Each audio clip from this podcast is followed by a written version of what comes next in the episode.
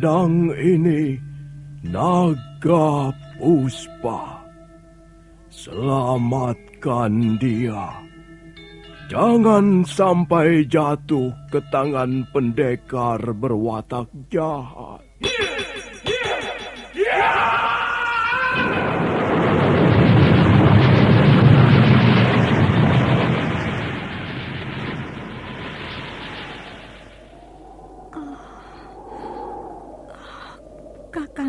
Kamandano. Kau... Kau masih juga tidak percaya bahwa aku... Aku mencintaimu. Mesin. Maafkan aku, Mesin. Oh. Mesin. Oh. Mesin!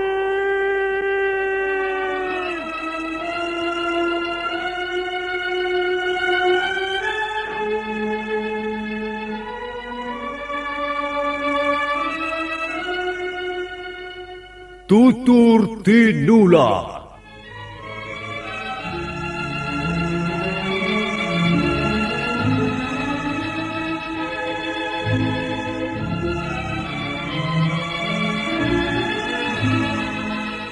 Sebuah sandiwara radio serial, produksi Sanggar Cerita dan Teater Sanggar Prativi.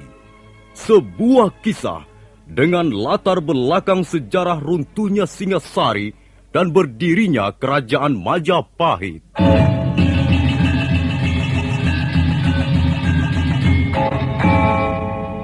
Sandiwara ini didukung oleh pemain-pemain radio yang sudah ternama. Ferry Fadli, Ivone Rose, dan Eli Ermawati.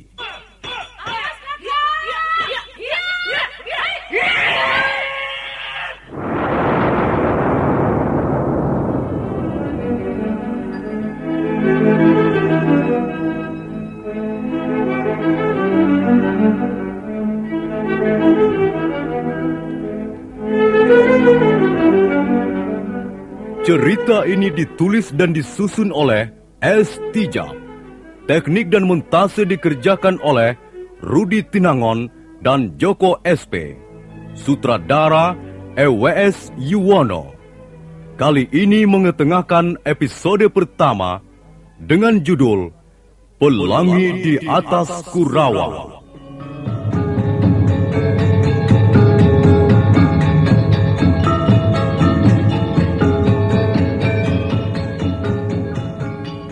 Dalam seri yang ke-25 ini, didukung oleh para pemain, Wahyu sebagai Mengji, Otis Perkasa sebagai Wong Chow, Ape Burhan sebagai Chanpi, Narto Bantul sebagai Prana Raja, Benny sebagai Jarawaha, Wawan Gewe sebagai Ganggadara, Arman Donida sebagai nelayan, dan Nusri pembawa cerita. Selamat menikmati.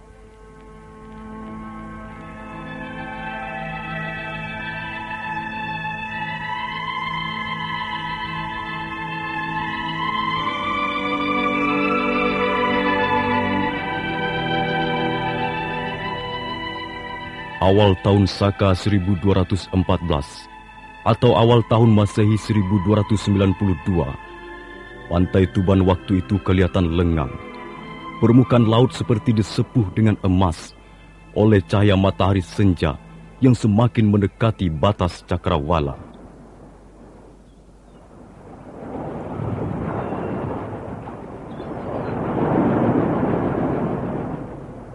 Sampan-sampan para nelayan hilir mudik dan sebagian masuk ke muara sungai Sugalu. Mendadak jauh dari tengah samudera biru tak bertepi, muncul sebuah titik hitam yang makin lama makin membesar. Para nelayan berteriak memberitahu teman-temannya ketika muncul sebuah perahu tongkang.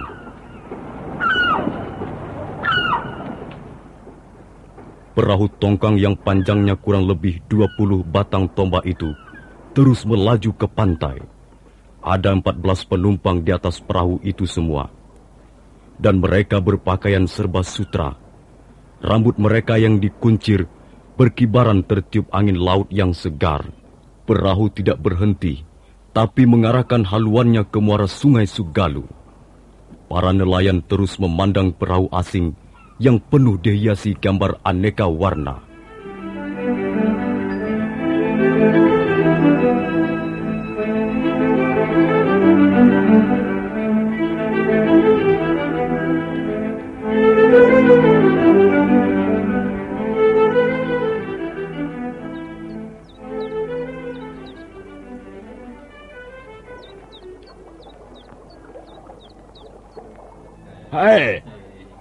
Dapatkah kalian menunjukkan pada kami di mana letak istana Singasari? Ah.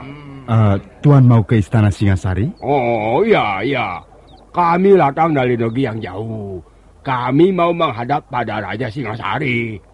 Hmm? Oh, mereka itu bicara apa saja? Hmm? Ah, yang jelas mereka membicarakan kita. Oh. Ah, mungkin mereka heran melihat cara kita berpakaian. Ah. nah, mereka meraba rambutnya. Mungkin mereka heran mengapa rambut kita dikuncir begini. Ya, mereka adalah orang-orang nelayan. Ah. Mereka bekerja menangkap ikan untuk dijual atau dimakan bersama keluarganya. Oh. yang jelas mereka orang-orang desa yang masih terbelakang cara hidupnya. Ya, tapi agaknya mereka tidak jahat. Oh, oh ya? mereka cukup lama. Hmm. Oh. Bagaimana saudara? Hmm? Mengapa kalian tidak lekas memberikan jawaban? Kami bukan datang kemari untuk menjadi batu tontonan. Hmm?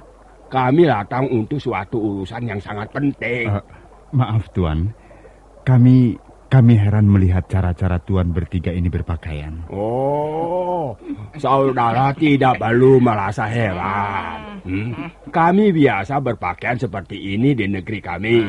Ah, sudahlah. Kami tak bisa lama-lama di sini. Ah, ayo, lekas. Ah, tolong tunjukkan letak istana Singasari. baiklah. Hmm. Kalau Tuan bertiga mau menghadap Sang Prabu Kertanegara, terus saja ikuti jalan berbatu ini. Hmm Oh. Letak kota Singasari memang agak jauh dari sini. Oh, iya, iya. Tapi Tuan bisa bertanya pada siapa saja yang Tuan-Tuan jumpai di sepanjang jalan. Hmm. Mereka akan menjawab dengan senang hati. Hmm. Jadi letak kota Singasari masih jauh dari sini. Hmm? Oh. Ya. Dan kami harus bertanya pada setiap orang yang kami jumpai di sepanjang jalan. Hmm? Apa memang begitu adat negeri kalian? Uh, bukan, bukan begitu. Tuan-tuan tidak perlu bertanya pada setiap orang. Tuan-tuan silahkan bertanya kalau memang harus bertanya. Sebab letak kota Singasari agak jauh dan harus melalui beberapa buah desa. Ah, tapi bagaimana kalau mereka nanti tidak memberikan jawaban yang memuaskan kami ya? Iya. Ah. Dan bagaimana kalau mereka menipu kami? Ah, tuan-tuan tidak perlu merasa khawatir menipu atau menyesatkan orang di perjalanan bukan watak bangsa kami. Percayalah, tuan-tuan akan diperlakukan dengan baik. Iya, iya, iya, iya. Oh, kami percaya, kami percaya.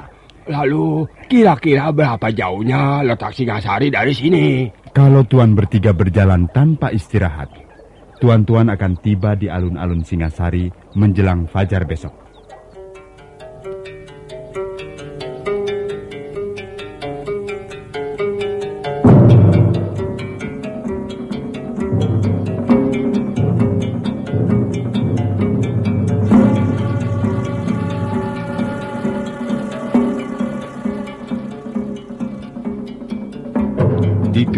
Asing itu segera meninggalkan tepian kali Sugalu. Mereka berjalan ke arah yang ditunjukkan nelayan tua. Dan benar apa yang dikatakan nelayan tua. Menjelang fajar, mereka tiba di pusat keramaian kota Singasari. Mereka menunggu hari menjadi lebih terang sebelum kembali melanjutkan perjalanannya.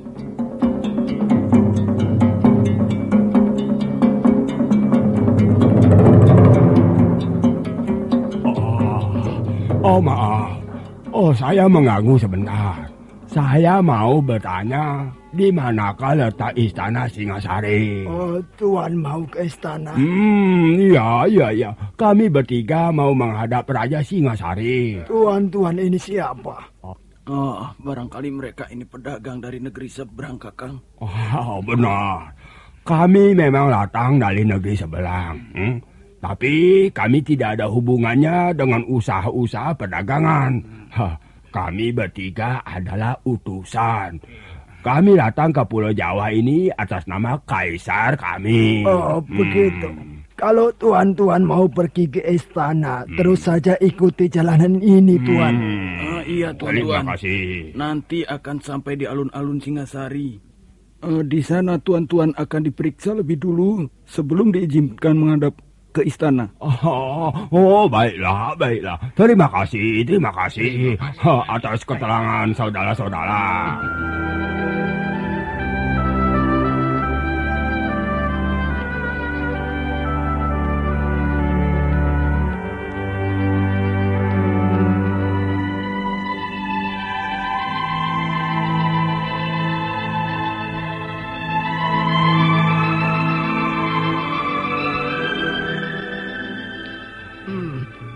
Mau apa orang-orang itu menghadap Prabu Kertanegara? Iya, pasti ada hubungannya dengan soal-soal pemerintahan, Kakang.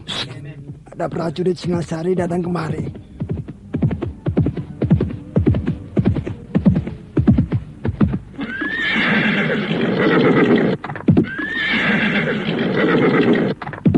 Eh, kau. Kulihat kau baru saja bicara dengan tiga orang asing. Eh, i- iya, tuan. Eh, iya. Siapa mereka itu? Dan apa yang dia bicarakan dengan kalian? Eh, mereka katanya mereka datang dari negeri seberang, tuan. Eh, mereka menanyakan di mana letak istana Singasari, Tuan. Katanya mereka ingin menghadap Sang Prabu Kertanegara, Tuan. Hmm. Ah, hanya itu yang mereka katakan pada kalian? Eh, iya, tuan. Hanya itu, tuan. Kalian jangan berdusta. Kalian tahu prajurit-prajurit Singasari Mondan Mandir siang malam untuk mengamankan istana dan sekitarnya. Mereka yang dicurigai bisa ditangkap dan mendapat hukuman yang berat. Jangan tuan, kami tidak tahu apa-apa. Kami tidak melakukan apa-apa tuan. Kalian jangan merasa pintar. Hal itu bisa membahayakan jiwa kalian. Eh, ke mana mereka tadi perginya? Ke sana, tuan. Eh, ke arah sana. Ke mana?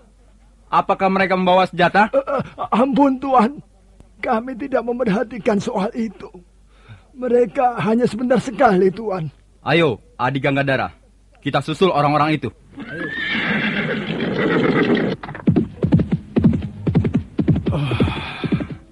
Hampir saja kita mendapat celaka. Ah, Prajurit-prajurit Singasari sekarang memang jauh berbeda dibandingkan dengan zaman Prabu Ranggawuni dulu. Mereka suka menakut-nakuti rakyat kecil seperti kita-kita ini, kakak. Mereka juga prajurit-prajurit yang sombong dan tidak tahu sopan santun. Mereka selalu bertanya dari atas punggung kudanya. Tidak mau turun sebagaimana mestinya prajurit yang mengerti tata krama. Ada Kau apa? ini ngomong apa, kakang? Nanti kalau ada yang mendengar, bisa jadi masalah lagi. Sudahlah, biar saja mereka itu. Kita urusi saja keperluan kita sendiri, Ah, kakang. betul ya. Buat apa kita ikut campur urusan begitu? Salah-salah bisa kena hukuman cambuk. Lebih baik kita berdagang dengan baik-baik. Ada untungnya bisa untuk makan sekeluarga ya.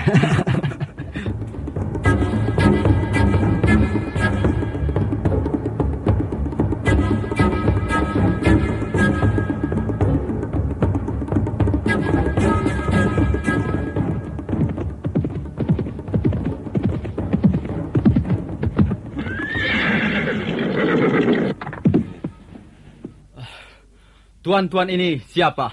Dan mau ke mana? Oh, apakah kami sedang berhadapan dengan prajurit Singasari? Benar. Hmm. Kami prajurit Singasari. Nama saya Jarawaha. Oh. Ya, Tuan tahu, Hmm. dia seorang panglima muda. Dan saya seorang perwira. Nama saya Ganggadara. Tuan siapa? Hanya kami terpaksa tidak bisa menjawab pertanyaan Tuan. Eh, mengapa begitu? Ah, selama Tuan-Tuan bertanya dari atas punggung kuda, kami tidak bersedia menjawab. Hmm. Ah, ayo kita turun, Adi Ganggadara. Uh,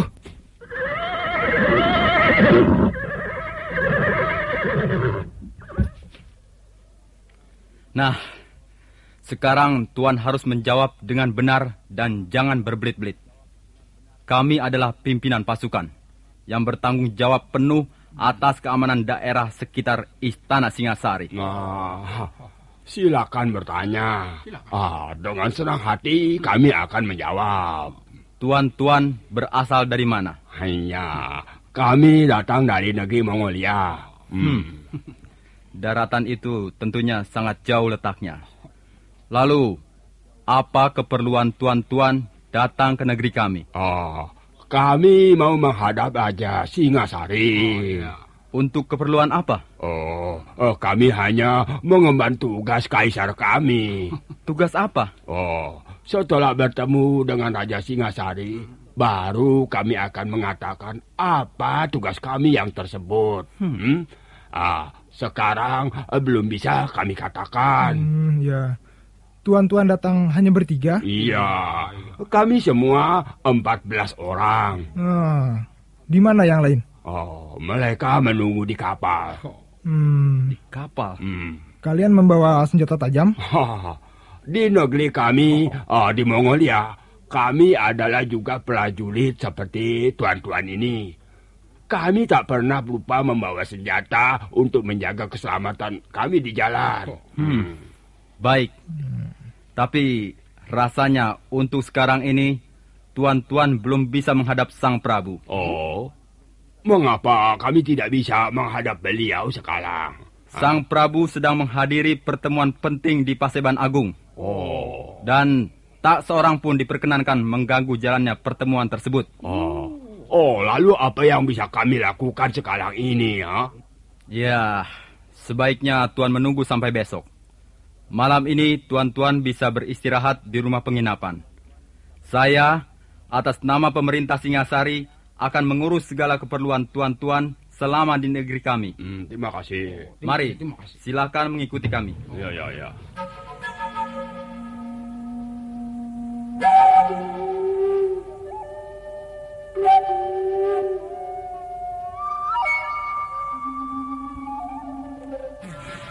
Jarawaha dan Ganggadara mengantarkan tiga orang pendatang itu ke sebuah rumah penginapan yang tergolong mewah di kota Singasari. Nah, saya kira rumah penginapan ini cukup bersih dan nyaman. Silahkan tuan-tuan beristirahat. Sementara kami akan mencari kesempatan untuk menyampaikan keinginan tuan-tuan menghadap Sang Prabu. Oh, terima kasih. Terima kasih. Ah, terima kasih atas sambutan yang Iya. hangat ini. Iya, iya. Hmm?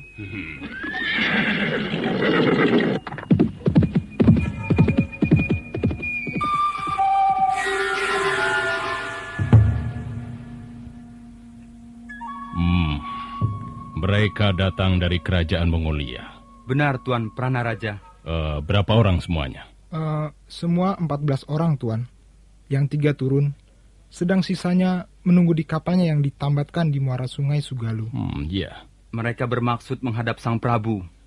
Saya sudah mendesak bertanya apa keperluannya. Tapi mereka tidak bersedia mengatakannya, Tuan. Iya, mereka akan menyampaikannya langsung pada Sang Prabu, Tuan. Sekarang kita belum bisa menghadap Sang Prabu untuk menyampaikan masalah ini. Hmm, mengapa, Tuan? Sang Prabu sedang sibuk memikirkan persoalan yang cukup berat yang ada dalam tubuh pemerintah Singasari sendiri. Beberapa orang pembesar melaporkan tentang kekacauan yang mulai sering terjadi di wilayah Singasari. Dan di belakang kekacauan itu, banyak bukti menunjukkan bahwa kerajaan gelang-gelang terlibat.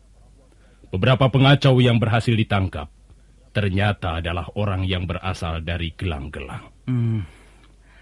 Lalu, apakah itu berarti Jaya Katuang ikut terlibat, Tuan? Tidak ada yang bisa memastikan.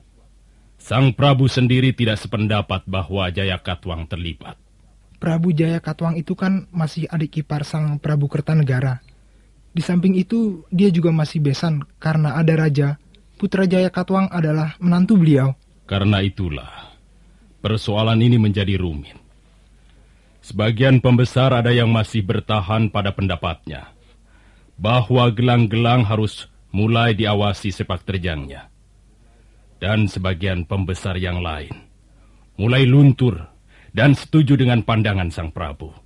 Ya, kalaupun gelang-gelang memperkuat bala tentaranya dengan menggembleng prajurit-prajurit baru, tidak mungkin hal itu dimaksudkan untuk memberontak pada Singasari. Ya, kita semua memang tidak akan pernah tahu secara persis apa yang ada di dalam hati Jaya Katwang. Ya. Lalu, bagaimana dengan orang-orang asing itu, Tuan? Biar, aku nanti yang akan menghadap Sang Prabu untuk menyampaikan masalah ini. Tapi ada baiknya kita selidiki mereka itu. Uh, maksud Tuan? Sekarang ini banyak sekali orang asing tinggal di daerah pesisir timur kota Tuban. Mereka tidak diketahui secara jelas data-datanya. Bisa saja mereka itu telik sandi bayaran yang bekerja untuk gelang-gelang atau untuk negara bawahan yang lain seperti Daha, Jenggala, atau Lumajang. Dalam hal ini kita harus benar-benar waspada. Lalu, apakah Tuan mempunyai sebuah rencana tertentu sehubungan dengan tiga orang asing itu, Tuan? Kalau mereka benar-benar utusan Kaisar Mongolia, Tentu mereka sudah dipersiapkan sebelum berangkat ke negeri ini. Hah, aku ingin tahu, apakah mereka juga mempersiapkan dirinya dengan ilmu kanuragan?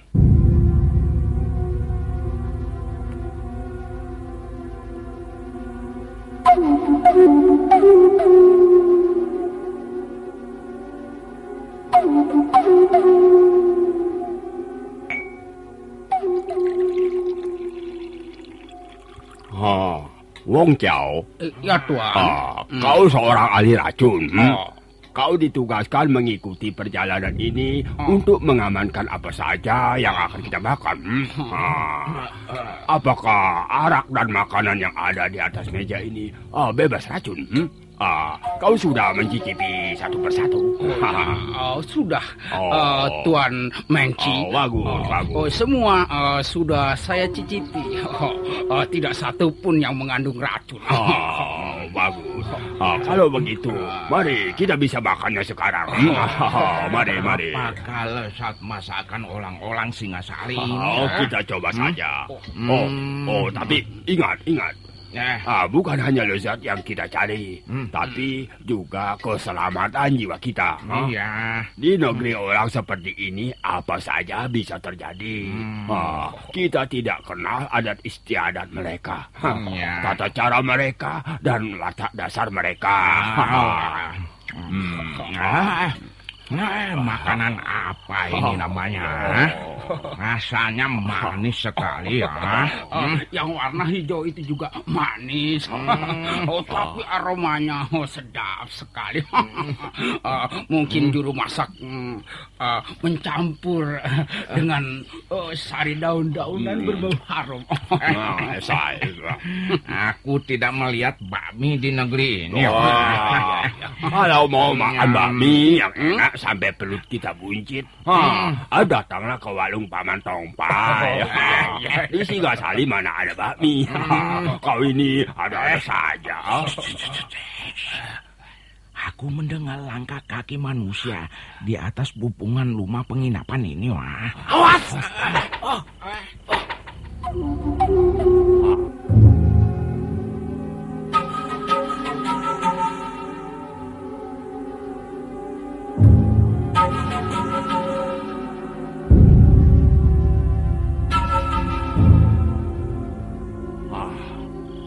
Siapa mereka itu? Hah? Oh, apa maksudnya melemparkan senjata rahasia pada kita? Oh, senjata rahasia itu mengandung racun. Ayo, ayo kita lihat.